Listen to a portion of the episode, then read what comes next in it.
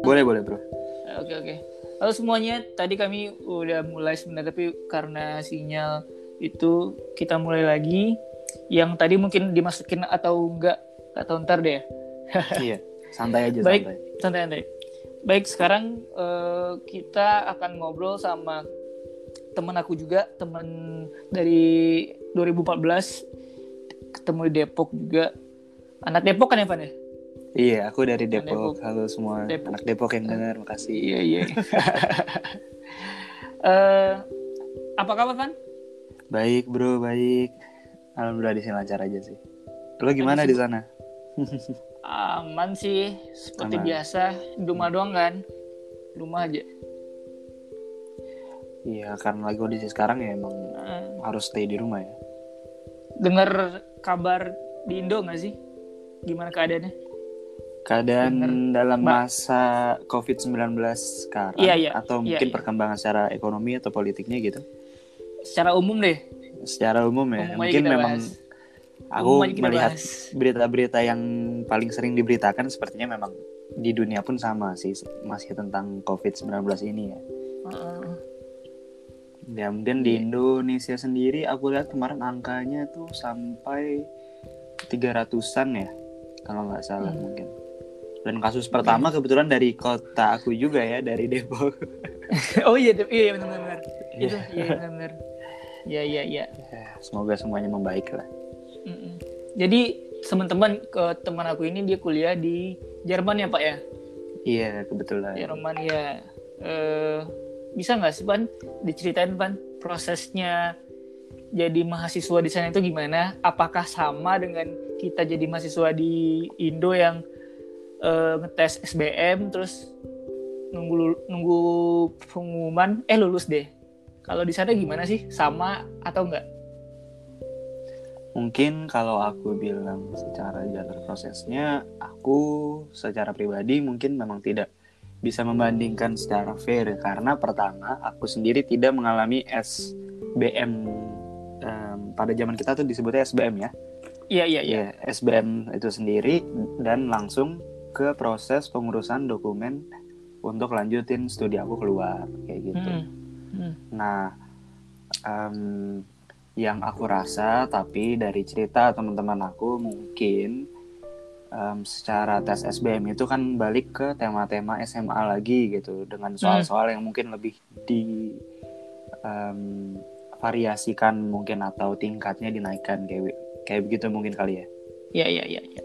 Nah, kalau aku merasanya kalau di Indonesia kita selesai SMA itu langsung ambil tes SBM ataupun tes dari kampusnya itu sendiri gitu, tes mandirinya Mm-mm. mungkin. Mm-mm. Nah, lalu kita langsung masuk ke em, jenjang kuliah, perkuliahan gitu. Kalau diterima setelah penerimaan kan. Nah, di Jerman sendiri bagi pelajar Indonesia em, mayoritas ijazah kita atau mungkin yang sekolah negeri itu kan belum eh, bertaraf internasional ijazah kita. Iya. Jadi harus dilakukan penyetaraan yang normalnya dua semester biasanya di sini sebelum kuliah. Mm-mm. Jadi misalnya di sini normal masa kuliah itu 6 semester, 7 semester. Tapi ditambah 2 semester lagi untuk penyetaraan itu gitu. Karena di sini SMA itu sampai kelas 13. Kalau kita di Indo kan kelas 12 ya kan? Iya iya iya iya. Betul. Terus untuk masuk ke kelas penyetaraan itu sendiri ada persyaratannya. Jadi kita harus tes terlebih dahulu dari Indonesia bisa atau ketika sudah sampai di Jerman. Nah, salah satunya pengambilan sertifikasi bahasa di mana-mana mungkin juga pasti ada lah ya bahasa apa pun selain Indonesia gitu ada sertifikasinya. Mm-mm. Nah, tetapi yang membuat agak rumit bahasa Jerman ini em, tidak terlalu banyak wadahnya aku rasa di eh, Indonesia yang resmi Iya, iya. gitu. Karena mungkin yang besar tuh hanya Goethe. Pernah dengar Goethe? Goethe Indonesia. Enggak. Jadi enggak. dia itu lembaga literasi Jerman lah yang ada di Indonesia gitu. Salah satunya dia juga yang membuat sertifikat yang paling diakui gitu untuk bahasa Mm-mm. Jerman itu sendiri. Nah, kita harus sampai level advance atau B2 lah. Dari A1, A2, B1, B2 gitu kan cukup lama itu ya. Iya iya iya. Mungkin kalau yang baru kepikiran setelah lulus SMA mau ngambil sertifikat bahasa ya bisa enam bulan, bisa bahkan setahun kalau dia nggak ngambil program yang intensif gitu untuk ke sini. Hanya untuk bahasanya. Agak agak rumit memang. Terus setelah pengambilan sertifikasi bahasa, kita kirim undang em, kirim aplikasi ke kampus tujuan. Aplikasi Oh. kampus tujuan kalau di approve, mereka akan kirim undangan dari Jerman ke alamat kita. Lalu nanti di situ eh, undangan itu kita gunakan untuk apply visa kita di kedutaan Jerman. Ini untuk kasus Jerman em, jalur aku sendiri lah mungkin seperti itu. Iya iya iya. Mm. Udah kita urus dokumennya, persyaratannya, bayar uang pengurusan visa pembuatannya gitu. Dan em, dengan catatan lah, pokoknya kita juga sudah harus punya paspor minimal lima tahun yang berlaku mungkin ya kalau nggak salah seperti itu. Terus setelah itu kalau kita sudah di approve ya kita ke berangkat ke negara tujuan atau kalau aku ya Jerman gitu kan. Nah, setelah berangkat ke Jerman di Jerman sendiri biasanya kita masih eh, kursus bahasa lagi gitu karena kan memang em, gimana ya bicara sehari-hari di sini dengan kita hanya belajar di buku itu kan beda gitu. Mm-mm. Jadi mungkin aku sekitar tiga bulan sambil nunggu tes eh, dari masa imatrikulasi universitas ini atau pra uni ini. Terus em, setelah belajar bahasa ik- ikut tes. Nah ikut tes kalau gagal ya harus cari yang lain lagi. Kalau berhasil kita mulai masa dua semester itu gitu. Lalu Iya iya iya. Ntar di masa dua semester itu kita di akhir semesternya itu ada ujian kelulusan lagi kayak seperti UN mungkin kali ya. Nah itu yang menentukan eh, nilai kita nanti bisa masuk universitas mana juga gitu standarnya. Nah baru di situ mulai masa perkuliahan kita dari situ gitu. Jadi kalau dibilang sama atau tidak eh, dengan Beda prosesnya ya. mungkin sepertinya secara tingkat kesulitan Indonesia juga susah gitu karena harus tes gitu-gitu kan. Ya, Mm-mm. tapi di Jerman itu untuk mahasiswa Indonesia sendiri eh, pelajar Indonesia sendiri belum jadi mahasiswa ya. Iya iya. Itu Iya, cukup panjang sekali prosesnya untuk sampai di eh, bangku kuliah itu sendiri gitu. Maaf nih jadi agak detail banget ya. Siap siap siap. Biar yang denger juga paham kan. Iya. Apa. karena memang eh, kadang aku em, menyebutkan istilah-istilah itu kan agak kurang familiar gitu kan jadi Mm-mm. memang aku Yang umum aja. Heeh. benar-benar Yang umum yang umum aja biar paham. Ah, oke selanjutnya kenapa kenapa milihnya Jerman dan kenapa univnya yang sekarang itu pan? Nama univnya apa ya? Em, aku Lupa. di kota Koblenz sekarang nah, Ah, jadi memang universitas itu biasa mengikuti nama kota kayak mungkin kalau di Iya, iya. Oxford University of Oxford mungkin kayak gitu kali iya iya. Kalau Iya, iya, aku iya. di kota Koblenz ini, eh, dia itu em, ada University Koblenz. Nah, tapi aku University of Science Applied Koblenz gitu. Jadi aku tuh bukan universitas eh, murni, tapi belajar juga lebih banyak praktek gitu-gitunya. Mungkin ya masih belum ada mungkin kali ya eh, yang bisa di em, istilahkan di Indonesia. Pokoknya dia itu bahasa Inggrisnya University of Applied Science. Hmm. Seperti Kenapa Jerman? Kenapa Jerman? Karena em, dulu saya ingin sekali kuliah teknik, tetapi Iya. em, ya merasa kayak Jerman nih terkenal dengan tekniknya gitu kan. Jadi ya em, kenapa enggak deh dicoba dulu keluar gitu. Akhirnya aku ikut tes itu berhasil dapet ya sampai di Jerman sekarang. Jadi alasan utamanya karena merasa Jerman tekniknya bagus dan aku ingin teknik gitu.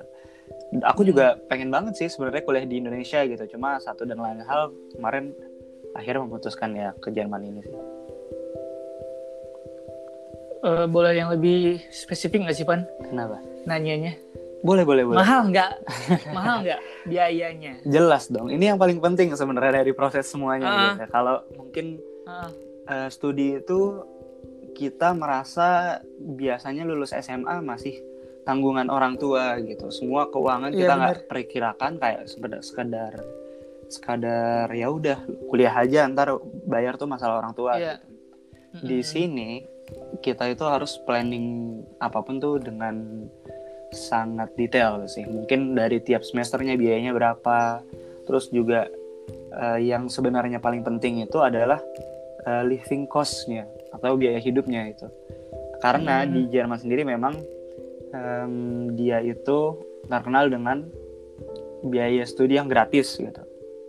Iya. Ini betul, kita memang nggak ada bayaran sama sekali untuk uh, kuliah kayak gitu. Tapi tiap semester pun kita tetap masih harus membayar uang ke kampus. Nah, uang apa? Kita itu tiap pelajar itu dapat kartu gitu. Seperti di uh, kampus-kampus lainnya juga normalnya dapat kartu mahasiswa gitu kan. Hmm. Nah, kita bilangnya ini semester tiket. Nah, semester tiket ini kita gunakan untuk naik kendaraan umum apa pun di regional kita. Nah, ini yang membuat kita harus bayar karena em, kampus bekerja sama dengan kendaraan umum di sini eh, agar juga pelajar membayar lebih murah secara satu semester langsung gitu. Kalau kita beli tiket satu-satu itu lebih mahal. Jadi yang kita bayar itu Iya. jatuhnya tiket transportasi umumnya itu. Hmm. Nah, per bulannya di sini normalnya itu untuk rumah sekitar 4 juta sampai 4 juta 500 mungkin. Udah Per bulan? udah agak standar di situ iya per bulannya. Lalu makan mungkin sekitar 1 juta 500. Ini dengan catatan kursnya 15 euro ya. Kalau sekarang Iya, iya, iya. agak lagi kacau mungkin ya, aku nggak tahu. Eh, semoga Iya, mungkin iya, bisa iya. turun lagi gitu. Karena bulan lalu itu masih sempat turun ke 14 ribuan. Itu masih dahsyat Hmm. banget. Sekarang kondisi langsung ada di titik 18.300 kemarin aku tadi lihat. Parah sih kacau Itu semua. parah banget. Terus ya setelah makan em, rumah ya mungkin rumah itu udah termasuk listrik dan internet. Mungkin kartu HP ya sekitar 200 ribuan lah per bulan. Terus tambah sekitar yang penting itu asuransi. Di sini asuransi mahal banget. Tiap bulan setiap pelajar itu wajib punya asuransi. Asuransinya per orang itu diwajibkan membayar sekitar 105 euro atau eh, kalau 100 euro ya sekitar 1 juta 500 lagi lah. Itu asuransinya. Berarti total mungkin eh, kalau kita nggak jajan atau cuma masak di rumah, iya cuma bayar-bayar keperluan doang, mungkin sekitar berarti empat setengah 6 juta. Habis itu eh, berapa? 250 ya 6 juta 200. ya sekitar enam setengah sampai 7 juta lah per bulan Ah. iya sekitar segitu lah itu itu biaya per bulan yang kita harus keluarkan nah planningnya aku bilang tadi em, biasanya kita itu di sini ada part time juga yuk jadi nggak terlalu membebankan orang tua bisa sambil kita bantu juga untuk membayar biayanya Hmm. Pelajar-pelajar di sini itu ada kontrak eh, apa namanya kalau di istilahkan ke bahasa Indonesia. Jadi kontrak ikatan kerja antar pelajar dan em, company-nya gitu ya. Jadi Perusahaannya gitu ya? Iya, Perusahaannya, dengan perusahaannya. iya, iya. Jadi dia sambil kerja juga sambil belajar kayak gitu. Jadi ada gaji tiap bulan, mungkin bisa dapat sekitar 9 juta lah per bulan gitu loh. Jadi em, ya dia bisa bayar rumahnya sendiri sebenarnya juga dan keperluan-keperluan jajannya sendiri semua juga terpenuhi dari itu kalau kita sampingan. Nah, kadang juga kita nggak bisa ber apa ya? ber berketergantungan dengan uh, gaji ini sendiri gitu. Kadang kan ada batas jam maksimal yang kita apa ya kita boleh bekerja dalam setahun itu gitu. Jadi salah satu prasyarat untuk bisa pergi ke Jerman adalah memiliki uh, deposit tabungan yang sekarang itu minimal serat uh, 10.600 euro kalau nggak salah. 10.600 euro itu berarti sekitar ya mungkin kalau di rupiahkan bisa 16 jutaan ke atas lah ya. 10.600 ya kalau di kali 15.000 aja dia ya sekitar 100 hampir 160 juta lah 159 juta ya kalau kali 15.000 Itu sekali ya? itu untuk tiap tahun Sekali. jadi di Oh, tiap uh, tahun. rekening kita tuh harus full harus full terus kalau orang tua mungkin tiap tahun bisa ngisi itu full terus ya kita nggak perlu part time udah cukup dari uang dari situ Iya, iya. Nah Iya, iya, iya. masalahnya kan memang mungkin kalau agak studinya lama itu kan harus planning lagi kan. Nah, harus perlu part Iya. time itu gitu seperti itu. Yang mahalnya di situ uang jaminan dan uang biaya per bulannya. Kalau ada semester nanti em, biaya per semesternya itu juga kita bayar sendiri. Dan yang unik biasanya di sini ada biaya sekitar per bulan itu 300.000 ribu per ruangan. Untuk? Untuk biaya Untuk apa? biaya jaringan. Karena kita menikmati fasilitas jaringan mereka gitu loh internet radio TV gitu yang diperbolehkan tidak membayar hanya yang tidak menikmati fasilitas itu seumur hidup mungkin eh, yang disabilitas gitu seperti itu Iya, iya. Iya, iya. jadi agak mahal ya kayaknya kalau dibilang per bulan segitu ya Iya, iya. Buat di Indo sih, wow. iya lumayan Buat di Indo, iya makanya. Itu ka- kalau untuk jalur beasiswanya ada nggak sih, Pan? Kalau misalkan yang seperti itu. nah untuk Misalkan nih, ya misalkan nih, aku mau kuliah di Jerman kan, atau Hmm. teman-teman yang yang denger ini dia mau kuliah di Jerman, tapi Hmm. dalam sisi ekonomi dia eh, belum cukup untuk Hmm. untuk deposito dan sebagainya gitu kan. Hmm. Itu ada jalur khusus nggak sih buat yang bisa belajar lebih keras atau bagaimana biar mereka dapat beasiswa di kecuali LPDP yang udah dari pemerintah Indonya Hmm. ada nggak? Em, konteksnya bachelor atau master Eh, dua-duanya boleh. Oke, kalau untuk bachelor aku sendiri, kalau dibilang ada atau enggak, itu ada. Ada, tapi sangat-sangat-sangat jarang sekali seperti itu. Jadi kalaupun ada itu biasanya juga nggak terlalu umum. Eh, bisa Hmm. mungkin nanti dicari di eh, DAAD namanya. Kalau itu institut yang bekerja sama dengan Indonesia atau negara-negara lainnya yang mengembangkan eh, akademisi-akademisi Jerman atau tuh negara itu sendiri gitu. Jadi itu kerjasama. Nah biasanya yang ke Jerman itu kalau tidak LPDP berarti DAAD seperti itu. Hmm. Nah kalau benar-benar ingin full eh, studi di sini, pertanyaannya em, secara ekonomi tanpa membicarakan bea- beasiswa itu Hmm. tetap mungkin kalau kita benar-benar siap bekerja keras banget mungkin ya. Hmm. Eh, Iya, iya. secara kalimat mungkin agak mudah tapi kayak ketika dilakukan di sini tuh memang benar-benar sekeras itu gitu. Jadi Ah, dari pagi sampai sore itu kita mungkin eh, belajar mungkin ya di kelasnya itu ya jamnya tuh sebenarnya bisa aja siang sampai malam gitu. Mungkin seperti di sana juga kan. hmm. Nah, setelahnya itu biasanya kerja 6 jam sampai 8 jam untuk eh, di perusahaannya itu sendiri berikutnya untuk menutupi biaya itu gitu. Biasanya seperti itu mengakali ekonominya.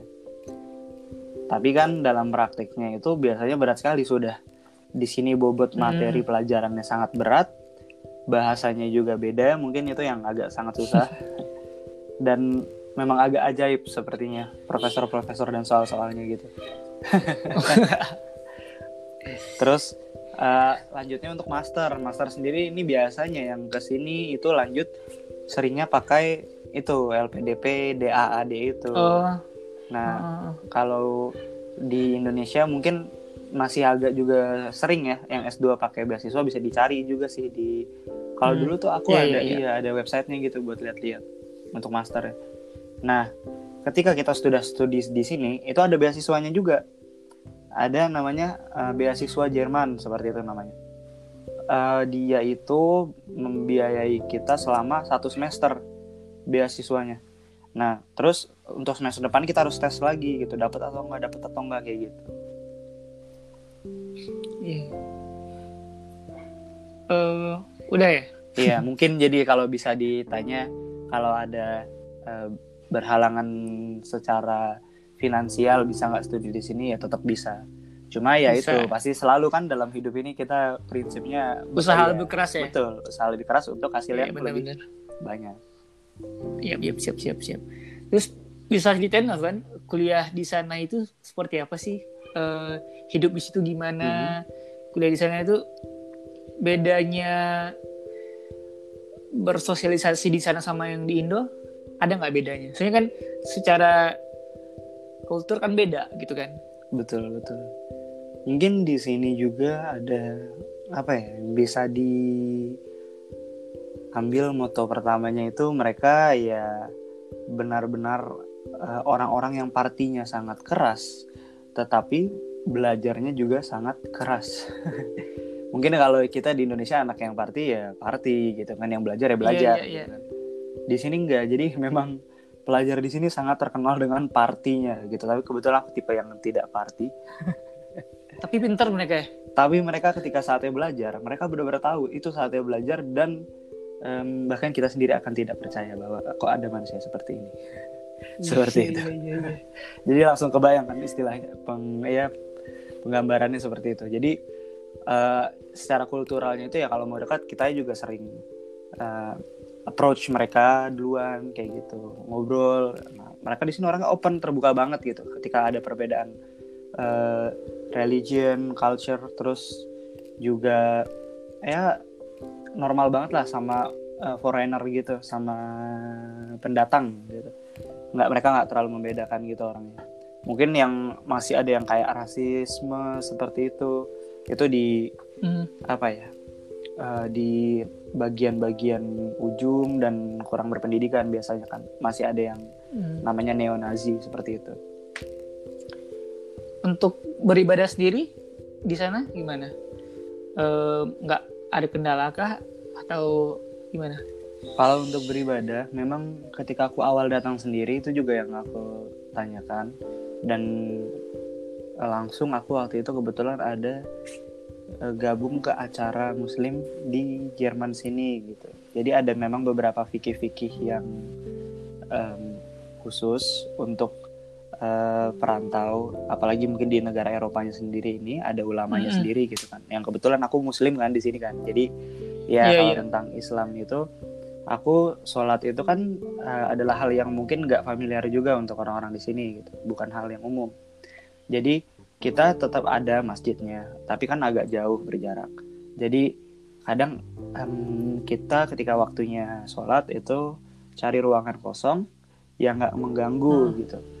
Un- untuk orang-orang sekitar gitu. Nggak mungkin kan kita tiba-tiba di tengah-tengah eh, aula terus tiba-tiba sholat gitu di situ gitu. kan mengundang perhatian iya. gitu. nggak kayak gitu juga Hmm. terus juga mungkin untuk udunya biasanya kita kan eh, normalnya tuh kaki dibasahin banget gitu orang tuh ada yang basahin banget gitu Iya, iya. kita tuh secukupnya aja Iya, dibasuh gitu bahkan kan sholat pun kan eh, sebenarnya banyak yang pakai sendal gitu kan di luar Hmm. kalau aku tuh kos kakinya dibasuh seperti itu sedikit terus ya itu yang membedakan juga fikih-fikihnya gitu jadi eh, cari ruangan yang bisa kita tenang terus kalau mungkin juga eh, terjadi kita sampai tidak menemukan ruangan itu ya kita izin ke orang-orang sekitar kita boleh nggak sholat di sini gitu terus tanya nah biasanya mereka open minded oh iya ya boleh gini gini gitu Hmm. karena ya apa ya tingkat em, tingkat Toleransi. toleransinya itu cukup tinggi betul di sini cukup tinggi sih aku bilang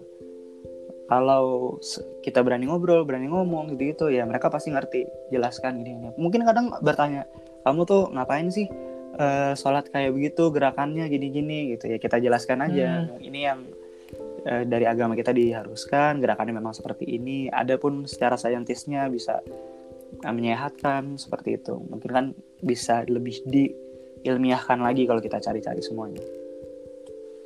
Hmm. itu kalau ibadahnya. Geser dikit eh, agak geser Van di di Jerman sendiri Mhm. mas pelajar berarti ya pelajar dari Indonya itu ada berapa orang Wah, kalau kayak gitu itu mungkin banyak banget sih. Kita nggak punya statistik yang pastinya berapa. Itu yang megang Hmm. tuh pasti KBRI sih seperti itu. Dan itu juga eh, data itu eh, nggak dipublikasikan secara umum mungkin gitu. Kalau kita tanya mungkin Oh. bisa dikonfirmasi KBRI. Tapi kalau di kota aku Kalau- tuh sendiri sekitar 30 orang lah. 30 Iya, orang di kota aku biasanya.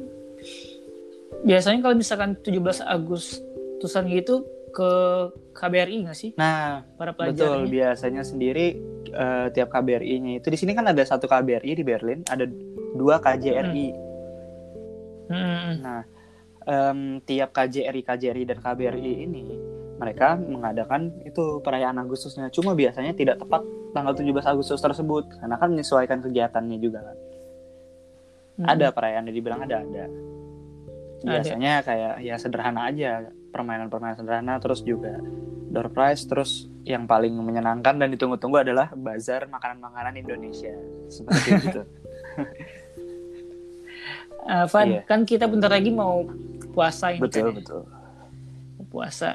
Di situ eh, menjalankan ibadah puasa ada tantangan sendiri nggak sih? Terus di sana itu berapa jam puasanya?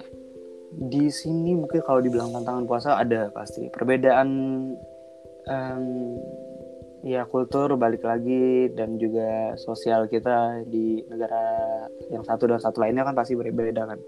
Kalau di sini dengan di Indonesia ya aku merasa di Indonesia kita bisa kumpul dengan keluarga lebih leluasa suasananya terlihat banget Ramadannya gitu. Kalau di sini ya kita bulan puasa ya seperti hari-hari biasa aja.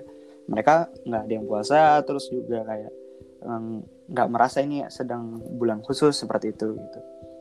Dan selama aku di sini, aku puasanya itu kebetulan selalu di musim panas. Di musim panas itu matahari terbitnya lebih cepat dan terbenamnya lebih lama. Jadi sekitar hampir 18 jam aku puasa di sini. Itu 18 jam. Dari jam 3 ya 3 pagi sampai hampir setengah 10 malam lah. Jadi ya cukup menantang. Cukup nah. Memang agak berat sih. Untuk makanan berat.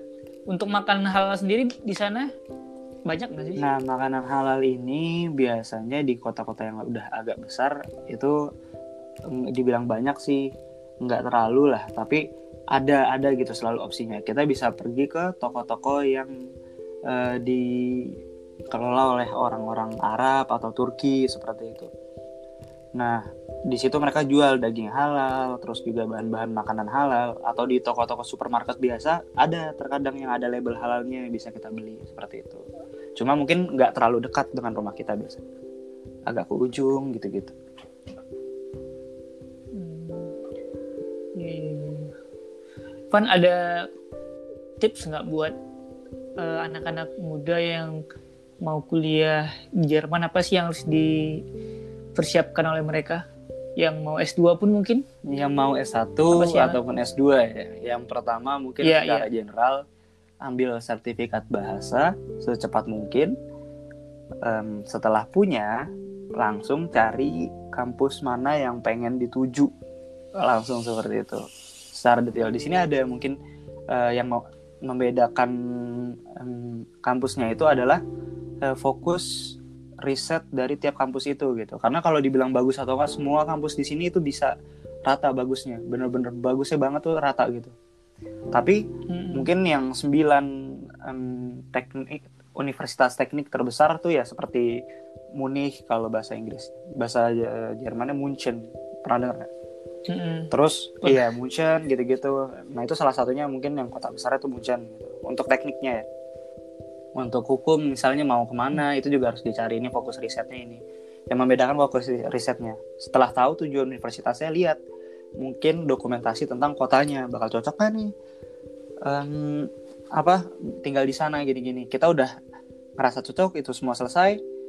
Udah kita tinggal set goal dan usaha-usahanya nih. Berarti ya tadi udah punya sertifikat bahasa berarti tinggal urus dokumennya urus dokumennya perlu biaya berarti kan semua juga sampai buat sehari-hari Ah. nanti di sana itu kumpulin aturnya gimana diskusi dengan orang tua Iya, iya. per bulannya hitung-hitungannya seperti itu sih kalau aku tipsnya ya itu tadi harus semuanya disiapin dan jangan pantang menyerah sih ini bukan sekedar kalimat tapi di tiap tahap di sini itu memungkinkan kita untuk dideportasi gitu. Jadi sangat em, cukup menekan dan tensinya tinggi.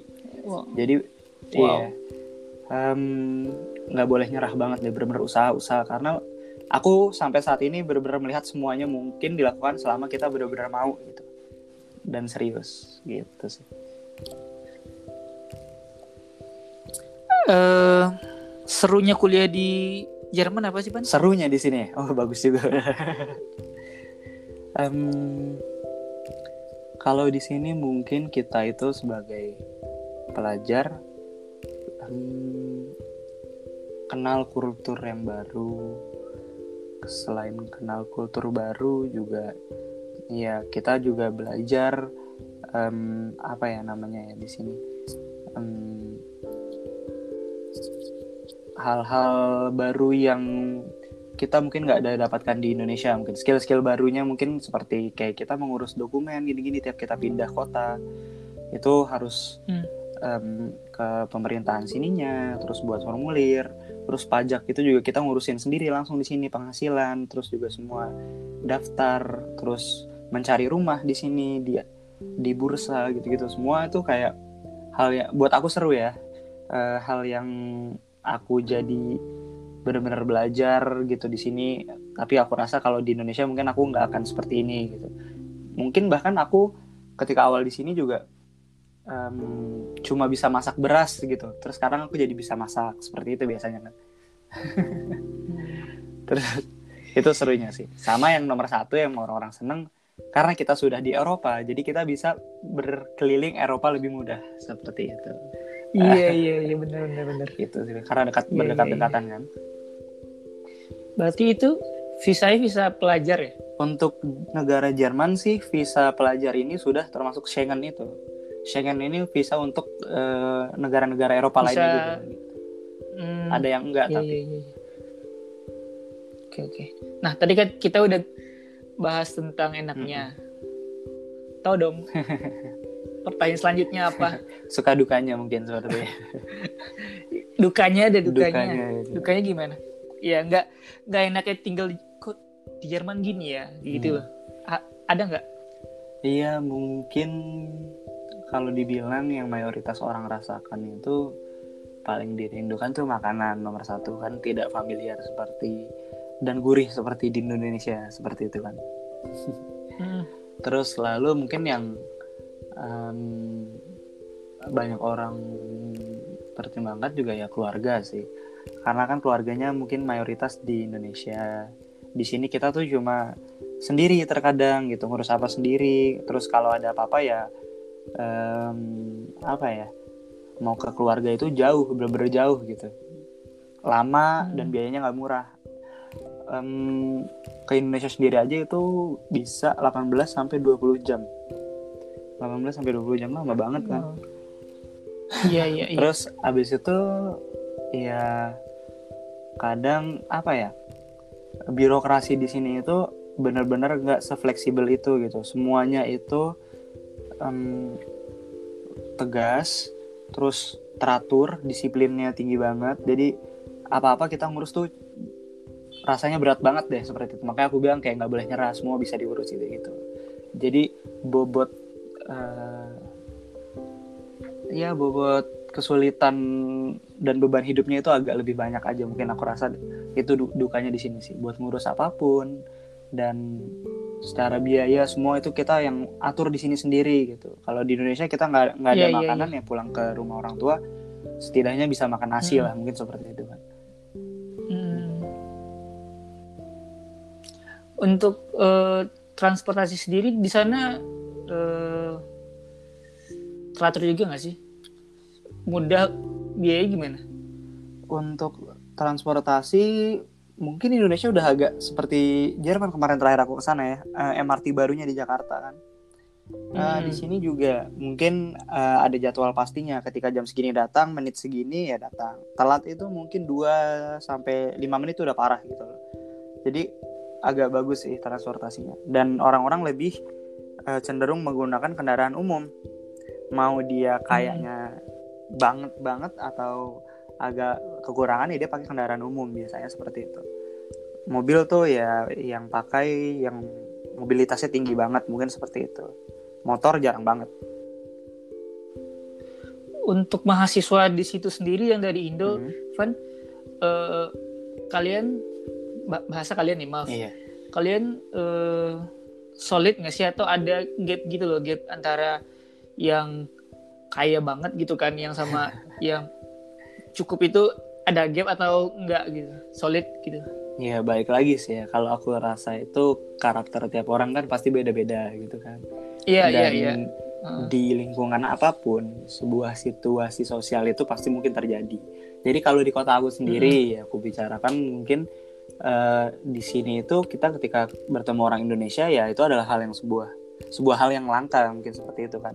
Jadi ketika bertemu ya kita lebih menghargai, lebih em, excited, lebih ya lebih menganggap itu momen yang eh, apa ya istilahnya momen yang berkesan lah gitu. Jadi eh, kalau dibilang solid ya kita kalau ada apa-apa minta tolongnya ke siapa lagi? Pasti sesama orang Indonesia Hmm. dulu pertama kali seperti itu kan. iya iya iya iya Nah, jadi kalau di kota-kota besar tapi seringnya karena sudah terlalu banyak orang Indonesianya, aku melihatnya ketika orang Indonesia bertemu orang Indonesia ya udah lewat begitu saja gitu. Tapi kalau di kota-kota yang agak Hmm. lebih kecil lebih menghargai, lebih eh, menyapa gitu. Jadi kalau ada yang perlu apa-apa bisa bantu ya dibilang solid solid. Di kota besar ya ada yang Hmm. berkubu ya itu wajar karena mereka kan banyak Iya, iya, gitu iya. kan. Jadi ya lingkungannya mereka aja paling gitu. untuk eh, kamu awal di Jerman pasti ada kendala dalam bahasa lagi kan ya tadi udah disinggung Mhm. juga Eh, untuk di Jermannya sendiri masih ada nggak sih yang yang nggak paham eh, bahasa Inggris gitu Ah, negara Jerman nih agak lebih mending kalau kerasa dari Perancis. Kalau aku ke Perancis itu mungkin mereka jarang yang berbicara bahasa Inggris. Tapi kalau di Jerman ya kalau dia pelajar biasanya dia pasti ngomong bahasa Inggris. Apalagi anak muda-mudanya gitu. Tapi ada beberapa iya, iya. juga yang masih nggak ngomong Inggris sama sekali gitu dan bangga banget sih rata-rata orang sini juga menggunakan bahasa negaranya gitu. Hmm. Iya, iya, iya. Ka- kapan mau rencana balik ke, ke Indo pak? belum ada nih rencana nih masih tapi aduh harus diundur lagi sepertinya gitu pengennya pengennya Agustus besok pengennya gitu. Tapi karena keadaan seperti ini kayaknya harus mengatur ulang lagi semua juga gitu kan. Iya iya iya. karena ya ya dari segala faktor lah. Karena keadaan seperti ini kan aku rasa mempengaruhi banyak orang juga ya. Harus lebih kita pertimbangkan lagi. Kalau ya yuk, gimana Tadi- di sana? Ah. kuliahnya? Ganti-gantian ya? Eh, di yang hukum pak, Mhm. saya e-learning gitu loh, maksudnya emang dari se- semester Mhm. awal e-learning full kan. Oh, berat- berarti Nah. nggak pernah ke kampus tuh hanya untuk ujian gitu ya? Iya, Wah, ya asik ujian juga. doang. Nah, yang yang yang psikologi itu eh, emang kuliah seperti biasa aja ke kampus tiap ya, ya, tiap tiap hari deh. Oh, Sen- Senin sampai Jumat. tapi jadwal kelulusan nanti bisa bareng gitu ya? Eh, kayaknya enggak deh, so. Soalnya yang hukum kan 2016. Oh, gitu. Kamu kamu ngambil dua double Iya. gitu aja ya? Kerepotan banget nggak? Eh, lumayan sih. Kalau sekarang udah udah agak santai tapi pas kemarin kan lagi ngurus apa? Lagi buat skripsi Mhm. kan se- semester kemarin. Terus yang psikologi juga lagi banyaknya praktikum Mhm. kan. Itu sulit sih sumpah. Tapi bisa. Karena banyak gitu ya. Boleh nggak? Tapi kalau bisa- nanya satu ke, ke kamu. Boleh boleh boleh. Kan ini podcast Oh, iya, gitu bukan ya. lagi Nggak lagi wawancara. ya? interview kita santai-santai. Jadi Iya, aku penasaran banget kadang juga kalau di sini waktu itu aku juga ada eh, opsi untuk dual studium gitu. Tapi sepertinya Hmm. untuk menjalankan mono studium pun saja sudah agak sulit, Sulit. seperti itu benar.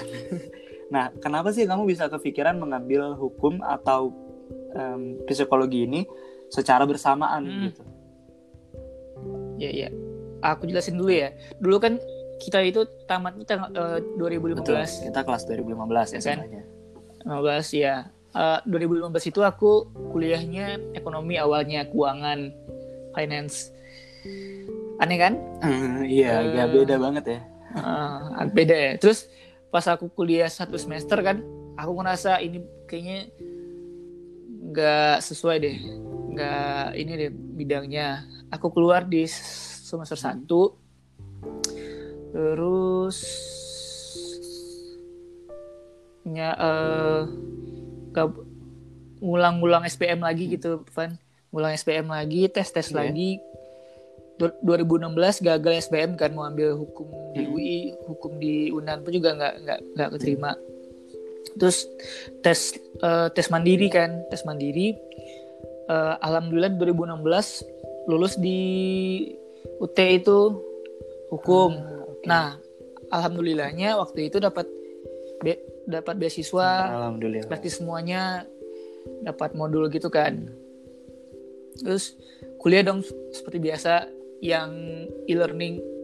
Itu kayak kuliah dalam kondisi corona yang nggak yang nggak boleh ke mana-mana gitu loh. Di rumah aja nugas gitu Hmm. kan. Bosen dong. Terus aku eh, ambillah pelatihan desain grafis gitu di BLK atau nggak sih BLK Tau nggak? Lembaga keuangan. Bukan bukan. Bukan Bukan. bukan balai lat so tahu banget maaf. Balai lat balai latihan kerja Latihan kerja. Dari Kementerian Ketenagakerjaan. Oh, oke. Itu karena bo- bosan kuliah e-learning kan. Terus nyoba lagi dong SBM untuk yang ketiga kalinya. SBM yang ketiga Coba kalinya. lagi tuh di tahun yang berbeda. Coba lagi.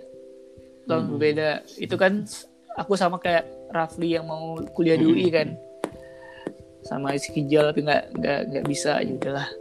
Terus ngulang lagi SBM eh lolos dong. Tapi eh, tetap stay di Padang jadinya karena lolos eh, lulus itu di, Di Padang.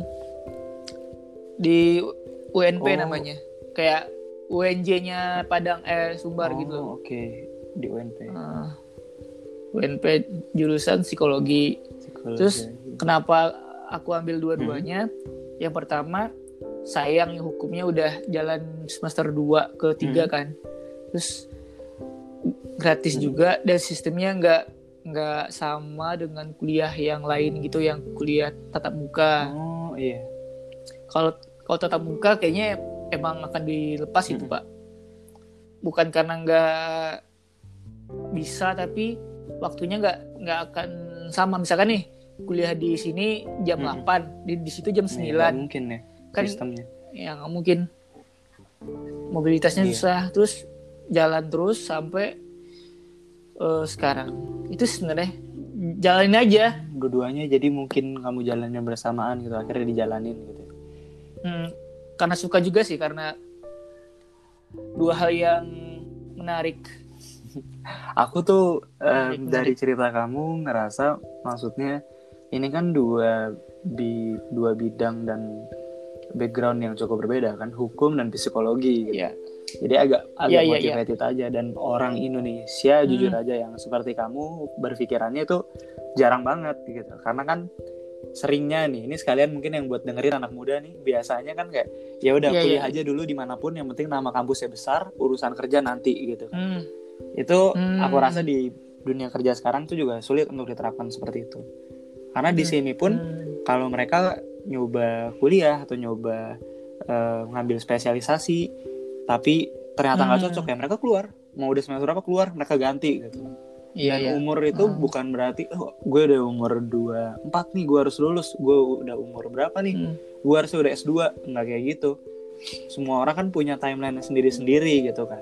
Iya iya itu yang benar, paling benar, penting. Benar. dan kamu juga punya goals kamu dan apa yang udah kamu alami itu ya beda dengan orang lain gitu jadi kayak Iya, sampai iya. ayo tiba-tiba mungkin tadinya pengen eh, FHUI ya pengen banget ya kan iya iya Tara- sama sih Hmm? kayak anak-anak daerah kebanyakan yang eh, pengennya kuliah di Jakarta Hmm. buat ngerasain apa sih punya suasana baru Oh, gitu loh iya, punya iya. pengalaman Hmm. baru circle yang baru Hmm. gitu kan kalau misalkan aku kuliah di Sumbar lagi kayak temennya itu lagi itu Hmm. lagi kan nggak nggak ada pemikiran yang baru gitu misalnya Oh, betul, sudut betul. pandang yang baru barunya, tentang betul, betul, tentang betul.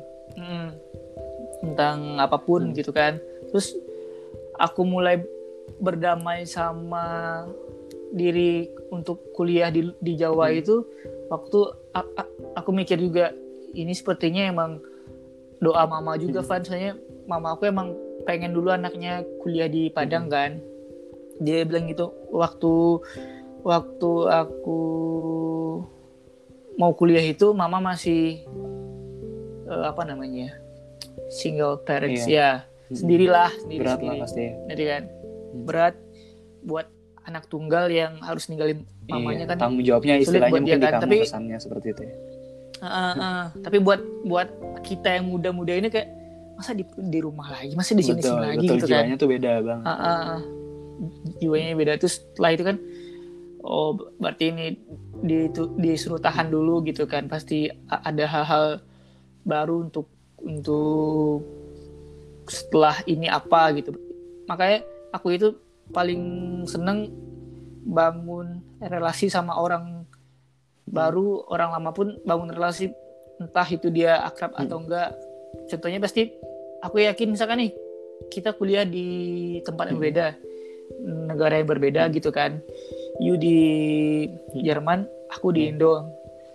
Pasti akan ada aja peluang kita buat kolaborasi atau gimana lima tahun lagi atau 10 tahun lagi Hmm. gitu kan nah ada yang bilang eh, satu musuh terlalu sulit seribu teman eh terlalu sulit terlalu sedikit Hmm. maaf terlalu sedikit seribu teman eh, terlalu sedikit itu terus yang aku tanam terus terus belajar nge- ngerasa bodoh nggak nggak nggak ngerasa penuh. Terus apa namanya ini?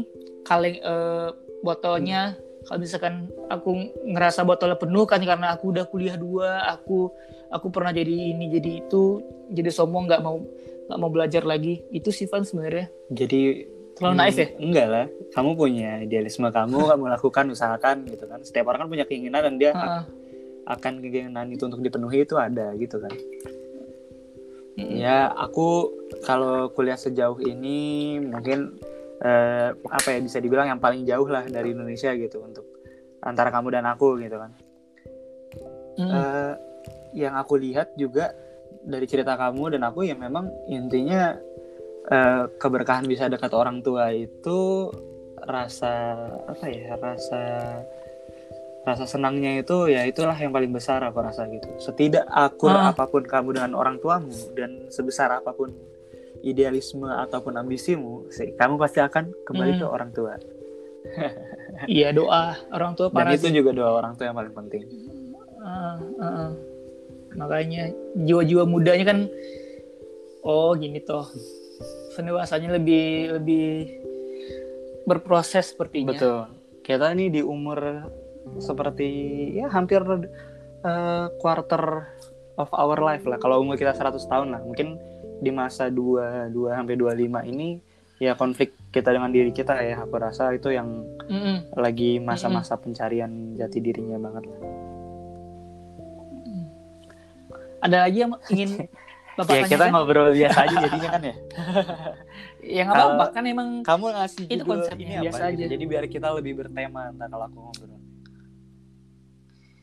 Judulnya astaga emang kul- eh, mungkin aku itu ngasih Iya. judul Van setelah semuanya Iya. selesai baru soalnya kan ini bukan kayak apa ya bukan kayak sebuah program yang di dikonsepkan Ah, oke. gitu Ya bagus sih. kita emang kita emang ngobrol cerita Hmm. jujur nggak nggak ada gimmick nggak ada apa nggak ada paling cuman oh ki- kita bahas ini Iya. apa nih ya bahas tentang kuliah aja tentang ini aja jadi lebih tahu arahnya Iya. gitu topiknya tentang kuliah Oh, aja gitu ya? tentang Jerman orang bebas bebas bebas Ya, aku bersyukur kamu Itu- ngebuat podcast ini sih. Jadi kita ada satu ajang atau satu wadah, kita bisa ngobrol lagi, yo. Yang mana kita udah lama banget Ya, bener. kita nggak ngobrol kan. parah sih iya makanya Ya, menurut aku sih kalau apa ya sekalinya keluarga ya kita kan keluarga dari dulu kan. Ya pasti selalu bakal jadi Hmm. keluarga keluarga dong. Entah itu setahun, lima tahun atau bahkan 10 tahun ketika kita ngob- ngobrol lagi itu rasanya pasti belum lama gitu. Ya enggak? iya iya iya tapi aku boleh jujur Iya. nggak sih pan kan kita itu eh, ketemunya 2015 2014 betul. Iya pas kita di Iya, UI kan Kebetulan acaranya di UI. Mm, mm, mm. Iya di UI kan terus tau nggak aku itu orang yang paling males waktu itu keluar kamar lah keluar apa gitu kan. gitu. Eh, ngumpul sama anak-anak yang ini apaan sih anak-anak Iya. ini kan? Waktu itu agak-agak agak-agak hiper aku pikir Hmm. waktu itu ya. Eh, terus kamu dengan inisiatif ngajak aku buat gabung sama yang lain terus kok enak ngobrol sama mereka gitu kan. Oh itu sifatnya masih Kamu ingat? ingat sampai sekarang kan ya Karena makanya. gimana? Kita Ini- kadang membatasi diri kita sendiri gitu kan untuk terbuka ke orang lain ataupun ngobrol. Padahal hal itu sendiri ngebantu kita ya nggak sih? Iya, iya, Atau iya. seru gitu bahkan untuk kita lakukan. Waktu itu aku kayaknya karena minder dari daerah juga kali ya karena Oh, kayak Yang wih, daerah aku teman-teman aku kayak kan ibu kota udah mau pindah ke Kalimantan. wadaw Sekarang aku iya daerah. sih bener dah Eh, waktu itu pak pak Eh, iya waktu Pak. itu ya. waktu, waktu itu pak iya iya makanya itu kayak Irfan oh ini Rafli lain lagi kisahnya Kijal lain lagi pokoknya orang-orang yang punya eh, cita sendiri itu pasti akan aku usahain tetap jaga komunikasi walaupun nggak sering ya Iya, Pan ya nggak akan sering juga kita Dan kan itu normal terjadi dalam hidup karena tiap orang punya Mm-mm, kesibukan gitu. Kadang Ah. ada yang ngomong kayak gini mungkin yuk. Eh, ada nih orang datang cuma ketika ada perlunya gitu. Padahal Hmm, sebenarnya nggak seperti itu gitu. Kalau kita mungkin lebih Hmm. terbuka untuk menjaga komunikasinya baik ya memang dia ada kesibukannya dan nggak bisa kita dalam kesibukan Hmm. dia itu selalu berpartisipasi nggak bisa kan. Jadi ketika Hmm. memang ada perlu atau kita ngobrol ya udah memang itu waktunya kita ngobrol kayak kita sekarang gitu kan.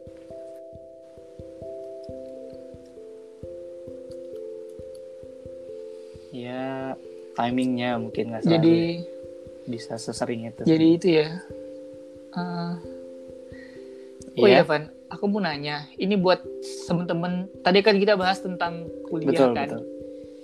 Eh, banyak dong eh, banyak juga yang mau liburan ke sana oh ke Eropa iya. Eh, ke, eh, ke Jerman mungkin Atau dan Jerman gitu khususnya. kota-kota Oke, lain. Oke. ya khususnya Jerman menurut kamu em, kalau liburan di, di Jerman itu kita harus sewa apa namanya juga sewa eh, tour guide ya Oh, Iya. tour guide. Oke. Ngerti ngerti. atau bisa sendiri aja Hmm. gitu karena karena lebih luas enaknya gimana Kalau buat aku sendiri tergantung karena kebetulan em, balik lagi nih ya ke tema kita mungkin Eropa atau Jerman nih. Kebetulan aku Iya, iya, agak Jerman sering aja. untuk eh, mengantar beberapa orang atau keluarga untuk jalan-jalan di sini gitu. Karena kan ya memang yang udah berada Ah. lama di sini aku gitu dan itu normal minta iya iya tour iya guide ke siapa yang tinggal di situ gitu kan. Hmm. Nah aku malah lebih sering yang ke Eropa gitu. Jadi memang aku tuh ngebuat planning untuk mereka gitu itu macam aku tour guide gitu. Tapi ini apa? em, Iya. eh, sukarela lah, sukarela seperti itu. Kayak ya udah. Iya iya temen lah temen Iya memang inisiatif sendiri aja buat gitu tanpa dibayar gitu. Karena iya iya maksudnya aku tuh Ah. bukan tour and travel gitu ya aku buatin. iya iya Nah, iya iya iya Aku selama aku ngebuat itinerary ini untuk mereka planning semua tempat tinggal, eh, transportasi aku urus gitu. Dan termasuk untuk kamu kalau kamu mau ke sini kamu bilang aja sama aku, ntar aku urus. Eh, Terus tergantung lagi balik lagi ini untuk keluarga atau untuk em, anak-anak muda sendiri dengan teman-temannya atau sendiri Ah. dia ingin solo traveling gitu.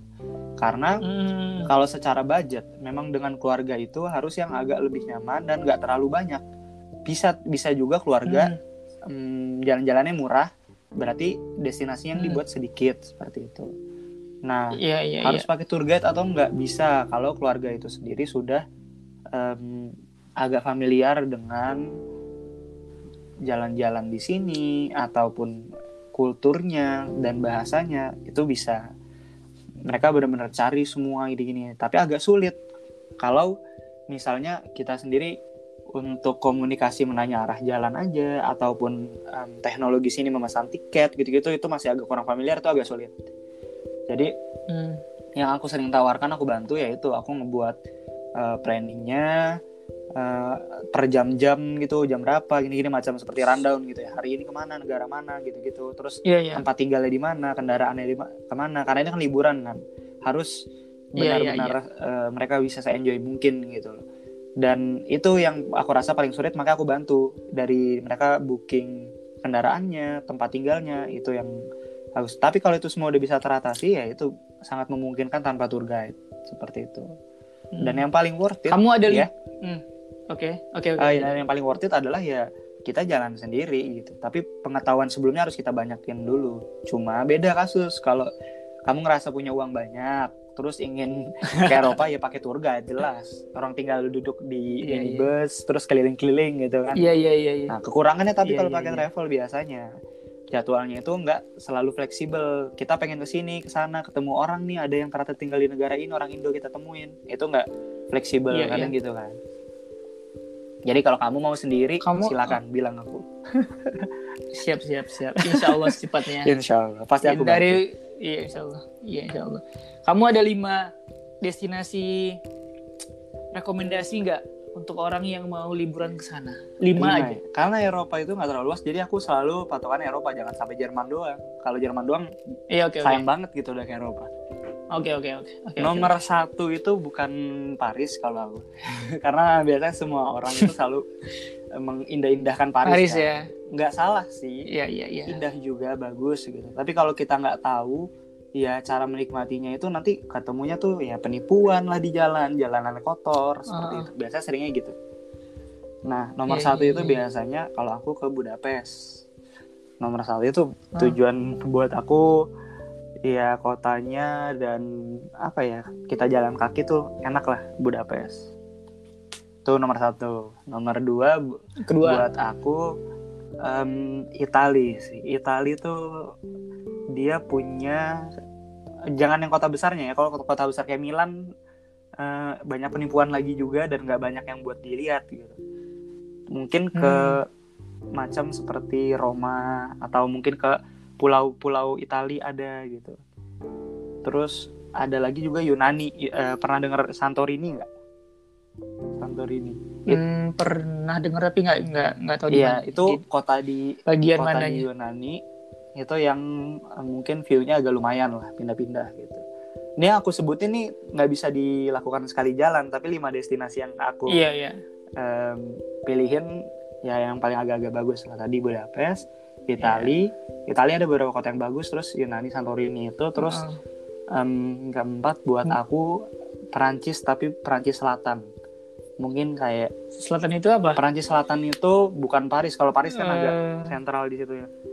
Perancis Selatan tuh mungkin agak-agak arah ke atau nggak Perancis bagian bawah deh yang eh, ada Nice, Niza, Nice pernah Mar Ah, iya. Marseille Tahu, tahu, tahu. tempatnya Ba- Balotelli. Tahu kan?